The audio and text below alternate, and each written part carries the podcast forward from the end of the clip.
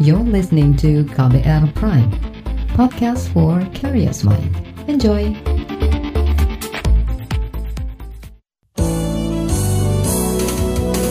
Terbaru di Buletin Pagi.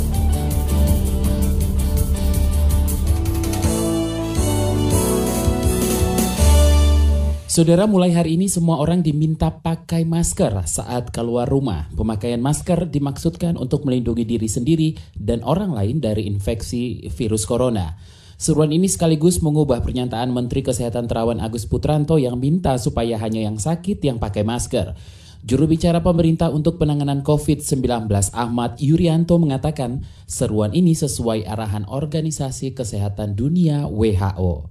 Ini menjadi penting karena kita tidak pernah tahu di luar orang tanpa gejala banyak sekali didapatkan di luar. Kita tidak tahu bahwa mereka adalah sumber penyebaran penyakit. Oleh karena itu lindungi diri kita semua menggunakan masker pada saat keluar rumah terutama. Juru bicara pemerintah untuk penanganan COVID-19 Ahmad Yuryanto menambahkan masyarakat cukup pakai masker kain saat keluar rumah. Masker bedah atau jenis N95 hanya untuk tenaga kesehatan. Seruan serupa sebelumnya disampaikan Gubernur DKI Jakarta Anies Baswedan yang meminta warga pakai masker jika berada di luar rumah. Mulai 12 April mendatang penumpang Transjakarta, MRT, dan LRT juga wajib pakai masker. Pemerintah mengklaim telah memeriksa 9.712 spesimen yang diduga terjangkit COVID-19.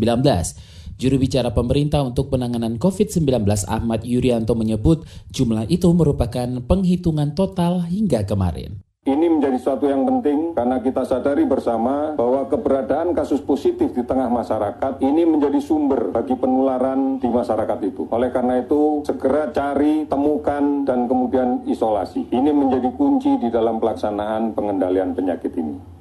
Dibandingkan dengan negara lain, jumlah spesimen yang diperiksa di Indonesia tergolong sedikit. Mengutip kata data, pada pertengahan Maret saja Korea Selatan telah melakukan tes kepada 340-an ribu orang, sementara Singapura sudah memeriksa 38 ribu warganya.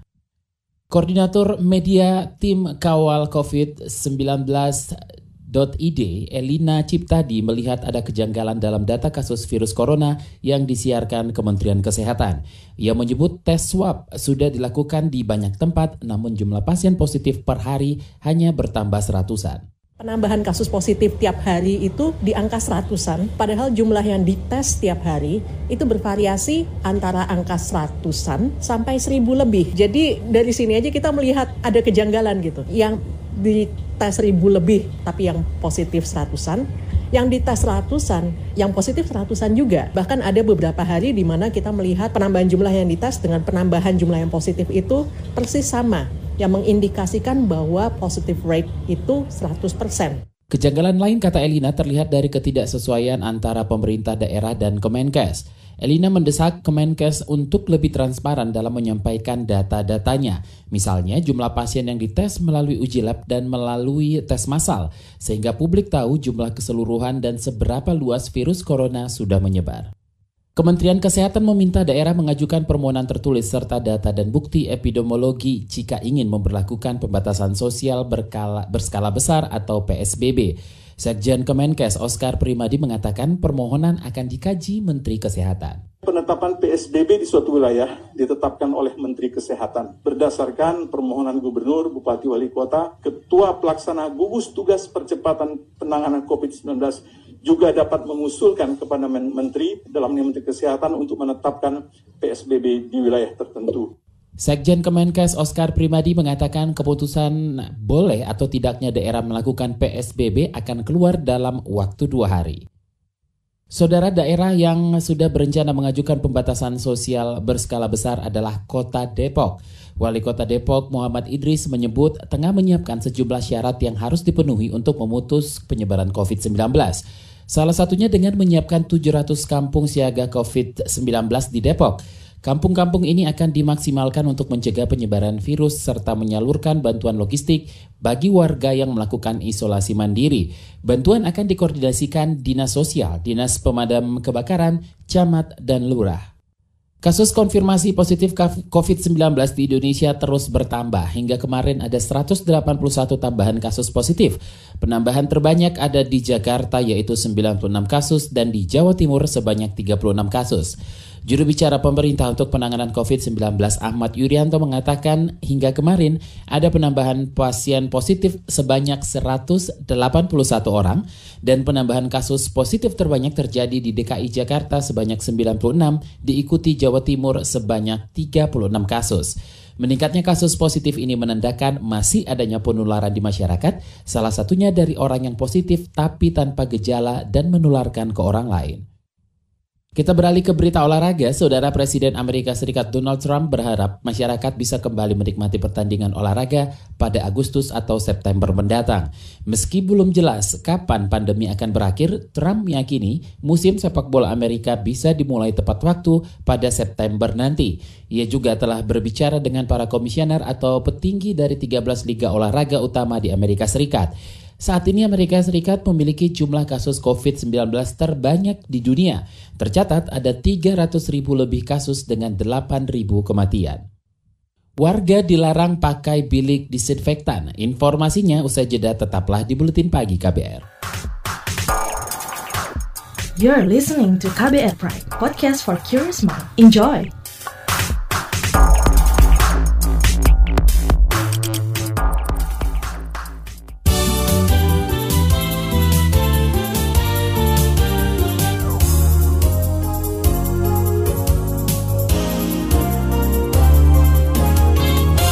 Sedang mendengarkan Buletin Pagi KBR, siaran KBR mengudara melalui lebih dari 500 radio jaringan di Nusantara. Saudara gugus tugas penanganan COVID-19 melarang pemakaian bilik disinfektan pada manusia.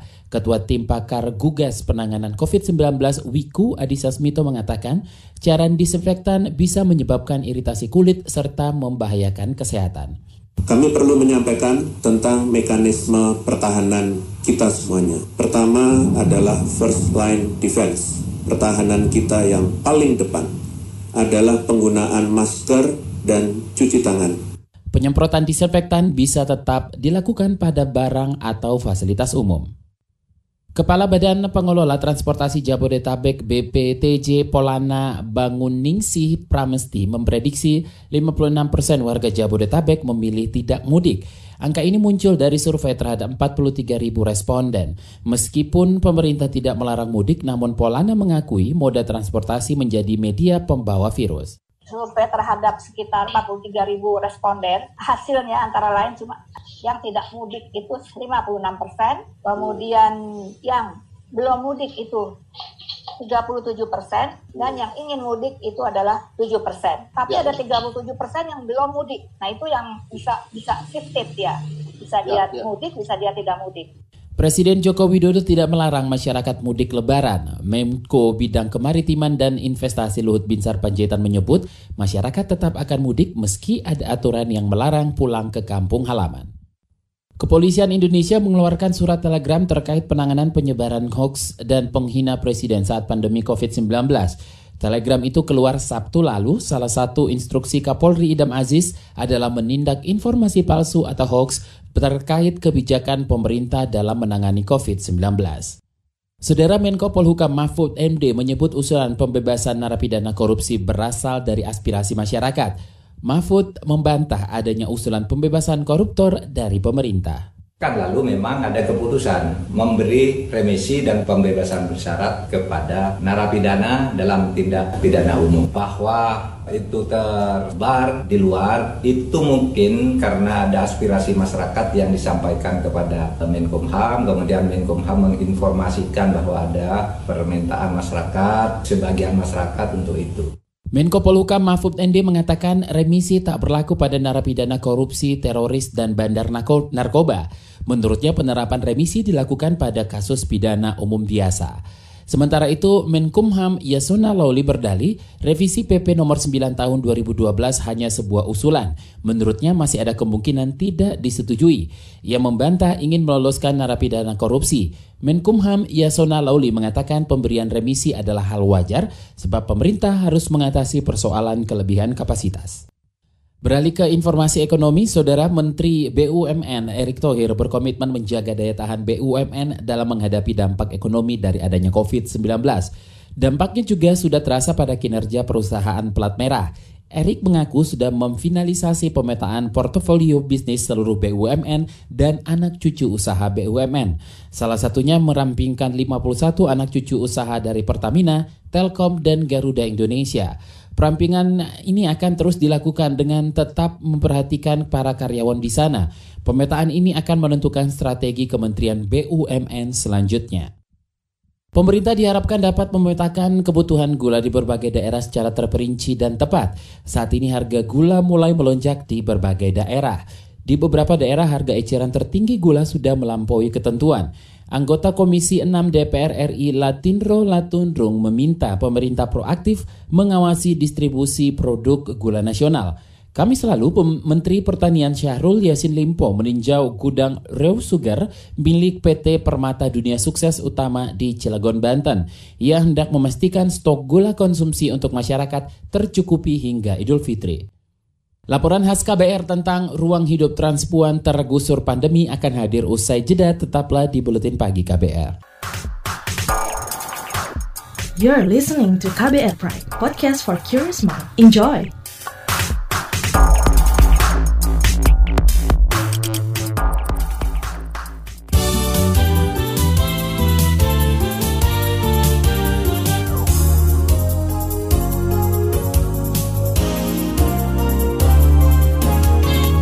Anda masih mendengarkan Buletin Pagi, saatnya kita simak laporan khas KBR tentang ruang hidup transpuan tergusur pandemi. Ya, sangat memberatkan sekali ya Kak bagi kami kaum transpuan. Apalagi kita hanya fokus mengandalkan di dunia salon di situ aja, nggak bisa kerja di lain tempat kan.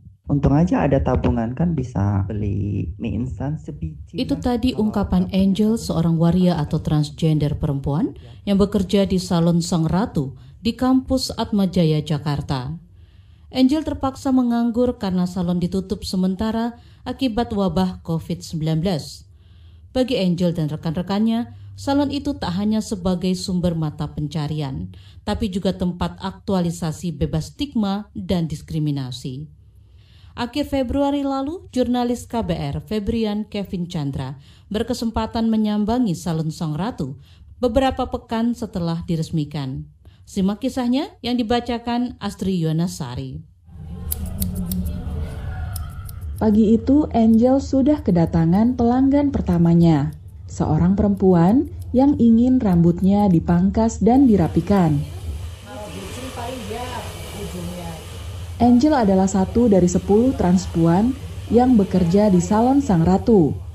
Salon ini dibuka pada 12 Februari lalu bertempat di kampus 1 Universitas Katolik Atmajaya, Jakarta. Angel dan sembilan rekannya merupakan lulusan terbaik program Yes I Can yang digelar Pusat Penelitian HIV AIDS Kampus Atmajaya. Saya pertama kali gabung dari Sanggar Waria Remaja tahun 2010. Di situ aku ngikutin ajang Miss Trans School masuk 10 besar. Dari situ ada pemilihan 300 peserta masuk ke grup Yes I Can masih disaring lagi jadi 10 besar. Saya termasuk salah satunya. Selama empat bulan, Angel digembleng oleh Sekolah Kecantikan Puspita Marta Internasional. Ia dilatih keterampilan salon dan praktik langsung di beberapa tempat. Ia juga berkesempatan merias penari yang tampil pada acara peringatan Hari Kemerdekaan di Istana Negara 2019 lalu. Usai lulus, Angel langsung bekerja di salon Sang Ratu. Rata-rata mahasiswa customer. Kemarin satu customer cutting spesial dari Cipta. Selama sepekan, Angel bisa mengantongi sedikitnya 500 ribu rupiah. Baginya, hasil itu jauh lebih baik ketimbang menjadi pekerja seks yang sempat dilakoninya dulu. Sekarang udah pure di rumah dan kerja di sini. Sebelumnya kan pekerja malam itu ada pasang surutnya sih. Ibarat kata satu hari rame, tiga hari nggak makan, itu mah ya seperti itu kehidupan. Kalau udah masuk di salon, udah tercukupi lah. Angel juga betah bekerja di tengah kampus Atmajaya. Di sana, ia tak lagi mendapat stigma dan diskriminasi. Untuk mahasiswa Atma Jaya sih welcome banget ya. Dari pertama kali ikut reflektif aja itu udah benar-benar welcome. Salut banget nggak ngelihat background kita, mereka cuma melihat pelayanan kita di sini. Ya mungkin udah membaur. Rekan Angel, Mulan, merasakan hal serupa. Para pelanggan tak pernah mempermasalahkan identitasnya sebagai transpuan. Mulan tampak terharu dengan penerimaan itu. Ia berharap sifat toleran dan inklusif semacam ini bisa menular ke masyarakat dan negara. Bisa uh, lebih melihat uh, teman-teman kita uh, bisa apa mendengar. Jadi sebenarnya kita tuh nggak minta apa-apa, kita cuma minta uh, hak hak kita sebagai warga negara Indonesia gitu. Jadi seperti apa pun kita kita tetap manusia. Kita juga bisa berkarya kalau kita dikasih kesempatan.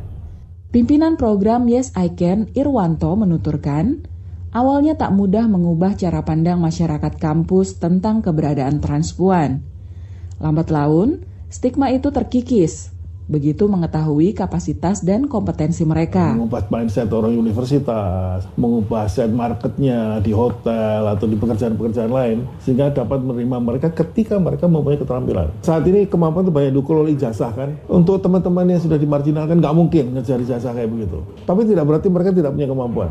Mereka ada punya bakat ini, bakat itu, cuman karena tidak pernah dilatih dengan baik, itu biasanya tidak diakui gitu. Wabah COVID-19 membuyarkan berbagai rencana dan angan yang ada di benak Angel. Sejak salon ditutup, ia mengandalkan tabungan dan bantuan dari komunitas. Angel berharap masa pandemi ini segera berlalu. Kemarin dari Sanggar Suara ada donasi dari pihak luar. Hari Rabu kemarin kita dapat paket sembako. Katanya sih mau dikirim per tiap minggu. Ya mudah-mudahan cepat pulih lah seperti biasanya Kak. Bisa beraktivitas lagi, bisa buka salon, bisa berkreasi, bisa menghasilkan lah kayak biasanya yang kayak dulu-dulu gitu Kak. Demikian saga jurnalis KBR Febrian Kevin Chandra, saya Astri Yuwanasari. Informasi dari daerah akan kami sajikan usai jeda tetaplah di Buletin Pagi KBR. You're listening to KBR Pride, podcast for curious mind. Enjoy!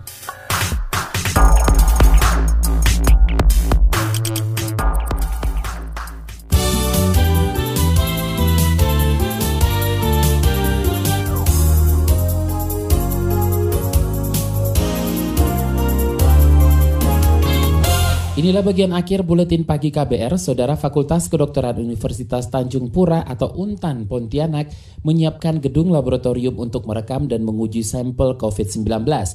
Dekan Fakultas Kedokteran UNTAN Pontianak Muhammad Asro Rudin mengatakan alat yang digunakan yakni real time atau PCR dengan begitu sampel dari ODP maupun PDP dapat diuji di Pontianak tak perlu dikirim ke Jakarta.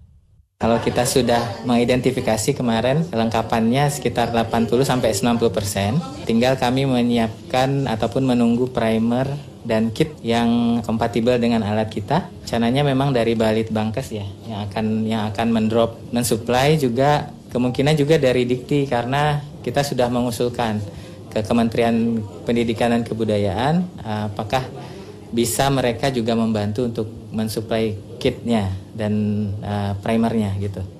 Sebelumnya status ODP dan PDP harus menunggu 3 hingga 5 hari karena sampel harus dikirim ke Jakarta. Pemerintah Provinsi Aceh menghentikan pemberlakuan jam malam sampai ada program jaring pengaman sosial yang ditetapkan. Keputusan ini diambil untuk melindungi pelaku usaha kecil yang bergantung ekonominya di malam hari. Juru bicara gugus tugas penanggulangan COVID-19 Aceh, Saifullah Abdul Ghani. Nah, yang kemarin itu ambil langkah sigap di, supaya memutuskan rantai penularan di Aceh dan itu efektif selama seminggu. Durasi pertemuan orang dengan orang itu kan berkurang. Tetapi kan yang namanya social distancing dan physical distancing itu tetap diberlakukan. Meski maklumat pembatasan jam malam yang dicabut, warga tetap tak boleh berkerumun. Saudara pemerintah Kabupaten Cilacap menyediakan lapak tani online untuk memfasilitasi petani menjual produk pertaniannya. Kepala Dinas Pertanian Kabupaten Cilacap Supriyanto mengatakan ini dilakukan lewat paguyupan petani hortikultura Cilacap atau PHC. Ya tidak hanya hortikultura karena pasar kan sepi juga, tidak begitu ramai, ada penurunan lah. Mereka juga agak bingung juga menjual. Tapi yang ditakutkan di saya selalu orang pemerintahan kan dimasuki atau disusupi orang-orang yang mencari keuntungan misalkan. Di petani kesulitan menjual kan harga rendah. Tapi di pasar dijual dengan harga tinggi karena memang stoknya jarang di pasar. Tidak mau makanya lapak turun. Lapak petani turun untuk itu. Petani yang tergabung dalam PHC bisa langsung memasarkan produknya kepada konsumen. Dengan begitu, petani mendapat harga yang lebih tinggi dibanding harga tengkulak. Sementara konsumen akan mendapatkan harga relatif lebih murah karena dapat produk langsung dari petani. Informasi tadi menutup jumpa kita di Buletin Pagi hari ini. Pantau juga informasi terbaru melalui kabar baru melalui website kbr.id, Twitter kami at berita KBR, serta podcast melalui kbrprime.id. Akhirnya saya Don Brady undur diri. Salam.